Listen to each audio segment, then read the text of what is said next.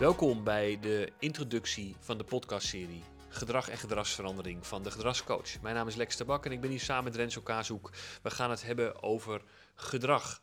En waarom in deze serie over gedrag? Nou, misschien is heel veel in het leven wel gedrag. Dingen die ik zelf doe, dingen die mensen om mij heen doen, eh, de emoties die ik daarbij krijg, het gevoel dat ik daarbij heb, de keuzes die ik maak. Ontzettend veel in de loop van ons leven wordt bepaald door, door, in feite zou je kunnen zeggen, gedrag en de mate waarin we ons gedrag kunnen veranderen. En wat mij verbijsterd heeft de afgelopen 10, 15 jaar is eigenlijk hoe beperkt die kennis is over gedrag. En ik ben de afgelopen jaren op onderzoek gegaan naar hoe zit nu gedrag en gedragsverandering precies in elkaar. En wat je dan merkt is dat als je daar meer in verdiept, dat het veel oplevert. Je kunt eh, mensen helpen om voornemens niet alleen te zien maken, maar ook die voornemens uit te zien komen.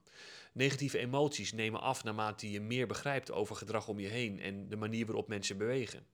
Je kunt jezelf wat gelukkiger voelen, beter samenwerken met andere mensen en problemen voorkomen als je begrijpt waarom mensen doen wat ze doen. Want elk gedrag is logisch voor degene die het vertoont. Verantwoordelijkheid leggen waar die hoort, um, werken aan jezelf, uh, gedrag en gedragsverandering. Een groot onderwerp. We hebben daar behoorlijk wat uh, content voor klaarstaan voor je. Uh, en ik wil aan Renzo vragen als eerst, niet zonder reden bij mij aangeschoven. Renzo, als je kijkt naar jouw perspectief op gedrag, wat zie je dan vooral om je heen, um, bij jezelf en bij mensen ook om je heen? Uh, wat ik zie is dat ik anderen en zowel mezelf uh, zie worstelen met gedrag. Dus het kan zijn door emotioneel te worden, dus boos, gefrustreerd, verdrietig, teleurgesteld. Um, dat we zoeken om aandacht, dat we inconsequent zijn met wat we zeggen of wat we doen. Um, we krijgen conflicten en weten niet hoe we daarmee om kunnen gaan we hebben geen motivatie of mensen om ons heen die niet gemotiveerd zijn, ongemotiveerd zijn. Um, een negatief zelfbeeld of dat we negatief over onszelf spreken. En misschien is dat zelfs over aandacht ook. Uh, manipulatie. Um, ja, dat soort dingen. Ja, je ja. ziet een hele hoop. Hey, en uh, net zoals ik, heb je ook jij uh, in het verleden daar uh, vaker mee te maken gehad dan nu? Want hoe, hoe ben jij begonnen aan die reis? Hoe, hoe keek je eerst naar het onderwerp gedrag en gedragsverandering? Nou, ik denk eerst eigenlijk, misschien kan ik wel zeggen als de gemiddelde mens dat ik er uh, weinig kennis over had, over gedrag. En misschien ook niet naar gedrag keek zoals, zoals ik dat nu doe. Um, en ik liet mezelf heel snel meeslepen in de emoties van een ander, of misschien wel ja, het gedrag van een ander.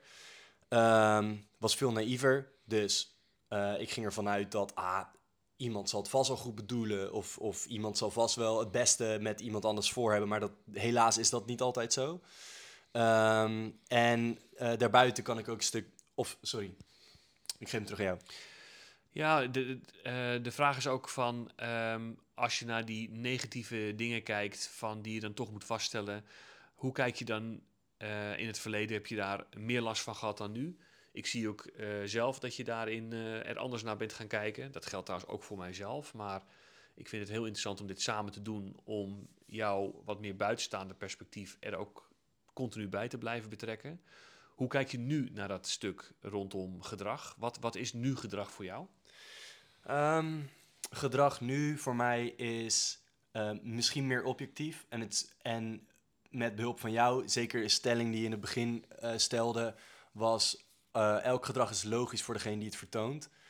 Um, dat houdt eigenlijk in dat je gedrag zou kunnen observeren. En zou kijken, wat gebeurt er nou eigenlijk? Wat is iemands doel hiermee? Of waarom laat iemand zich zo... Waarom uh, gedraagt iemand zich zo? En waarom reageer ik zo? Of wat doe ik daarmee?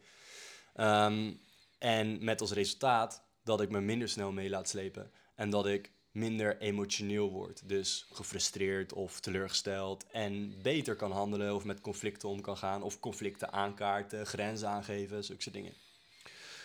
Ja, dat zijn mooie voorbeelden. En uh, we starten deze podcastserie dus om ook uh, de luisteraars wat meer perspectief te bieden op al deze onderwerpen. Uh, in de samenwerking tussen mij en Renzo en tussen andere mensen die ik begeleid binnen en buiten organisaties, uh, ga ik in op een aantal stukjes gereedschap om uit te leggen hoe gedrag in elkaar zit. Het is geen super uh, mystieke wereld waar we in zitten. We kunnen gedrag heel praktisch maken en daarbij gebruiken we een aantal wetenschappen. En die wetenschappen probeer ik op een, ja, op een wat populaire manier te vertellen eh, in, deze, in deze serie. Zodat ik, zoals ik dat in feite al een aantal jaar doe, ook aan de mensen die ik begeleid. We gaan het hebben over uh, stukjes gereedschap uit de sociale psychologie. Over uh, de antropologie, menskunde, waarom mensen samenwerken en wanneer ze dat wel en niet doen. We gaan het hebben over de neurowetenschap, waar veel over bekend geworden is de laatste twintig jaar. En we gaan het hebben voor een heel belangrijk deel ook over de toegepaste gedragsanalyse. Een wetenschap uit de jaren 50, waar ontzettend veel uh, verborgen pareltjes in zitten als je gedrag wil kunnen verklaren. En als je dat doet, dan kun je in feite je waardeoordeel ja, uitstellen en misschien wel zelfs voorkomen. Want als dus gedrag altijd logisch is, dan is er altijd een verklaring voor waarom de ander doet wat hij doet. Even los van de indruk die het op mij maakt of op uh, bijvoorbeeld jou maakt, Renzo.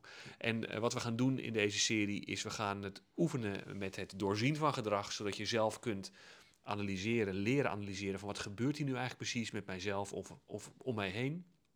En misschien, net zoals Renzo, ben je straks in staat om ook andere keuzes te maken uh, als het gaat om jouw gedrag. Ja, leuk. Uh, ik denk dat we ontzettend veel dingen aan te kaart hebben. Uh, hoe gaan we dat doen? Hoe gaat het eruit zien? Ja, we hebben in deze podcastserie uh, het idee dat die uh, logisch opgebouwd is. En we zijn ook heel benieuwd naar feedback, uiteraard, over, uh, over de serie. in, in een soort van drie etappes gaat deze podcastserie van start. In de eerste etappe gaan we het hebben over de stukken gereedschap. We gaan verklaren wat een mens is, waar gedrag vandaan komt, waar gedragsverandering vandaan komt, wat de belangrijkste ja, onderdelen zijn om te komen tot het begrijpen van gedrag. We gaan het ook hebben over emotie en over gevoel en over reflexen, over de werking van het hoofd, etc. Dat is in feite het stuk gereedschap dat we alle, luisteraars, alle luisteraars mee willen geven. In de tweede serie gaan we wat meer stukken gereedschap met elkaar ja, combineren. Hoe komt het nou dat mensen egoïstisch zijn? Hoe komt het nou dat mensen jaloers zijn? Uh, waarom zitten er generatieverschillen tussen groepen mensen bijvoorbeeld? En wanneer mensen, werken mensen samen en wanneer doen ze dat bijvoorbeeld niet? En in de derde etappe van de drie, eh, althans tot nu toe zijn het er drie, gaan we het hebben over de individuele casuïstiek van mensen. Mensen sturen ons hun berichten op. Um, dat kan via een voice-app, dat kan via um, uh, e-mail. En uh, in die casuïstiek gaan we heel praktisch worden van wat gebeurt er nu precies in een bepaald geval. En hoe praktischer je wordt, hoe meer informatie je biedt over wat er om je heen gebeurt, hoe concreter wij zullen gaan worden in het beantwoorden van ja, andere perspectieven, het aanreiken van andere perspectieven op de keuzes die je tot nu toe hebt gemaakt. Puur om jou te helpen om ja, anders te leren kijken naar gedrag en gedragsverandering. Tof, ik heb er zin in. Ik denk dat uh, voor de luisteraar wil ik nog even, voor de luisteraar wil ik nog eventjes toevoegen dat het erg belangrijk is, of in ieder geval ook de nadruk leggen dat uh, de introductie, dat ik daarmee zou beginnen. Uh, sorry, de eerste, de introductieafleveringen. Dus dat zijn de eerste, waarschijnlijk negen afleveringen worden dat. Um, daar leggen we namelijk bepaalde technieken uit, die, waar we daar op de volgende, uh, in de volgende serie, waar we daarop doorgaan. En zeker als we het gaan hebben over casuïstiek, gaan we continu dingen terugpakken uit serie 1 en serie 2. Dus ik zou in ieder geval willen aanmoedigen, luister hem eventjes af in de volgorde. Ja, zo is het. En uh, dan krijg je als het goed is een logisch verhaal, opgebouwd verhaal over gedrag en gedragsverandering. Nou, we hopen hiermee een introductie gegeven te hebben en uh, we, uh, we, zijn heel benieuwd naar je feedback. Als je praktische casuïstiek hebt, stuur ze in en laten we starten. Ja, let's do it. Om af te sluiten, als je vragen hebt, stuur ze in naar degedragscoach.nl. Daar kan je contactformulier vinden of eventueel de e-mail vinden. Je kan hem ook sturen naar lex.degedragscoach.nl. We horen graag van je. Dankjewel, Dankjewel voor het luisteren. En tot de volgende. Tot de volgende.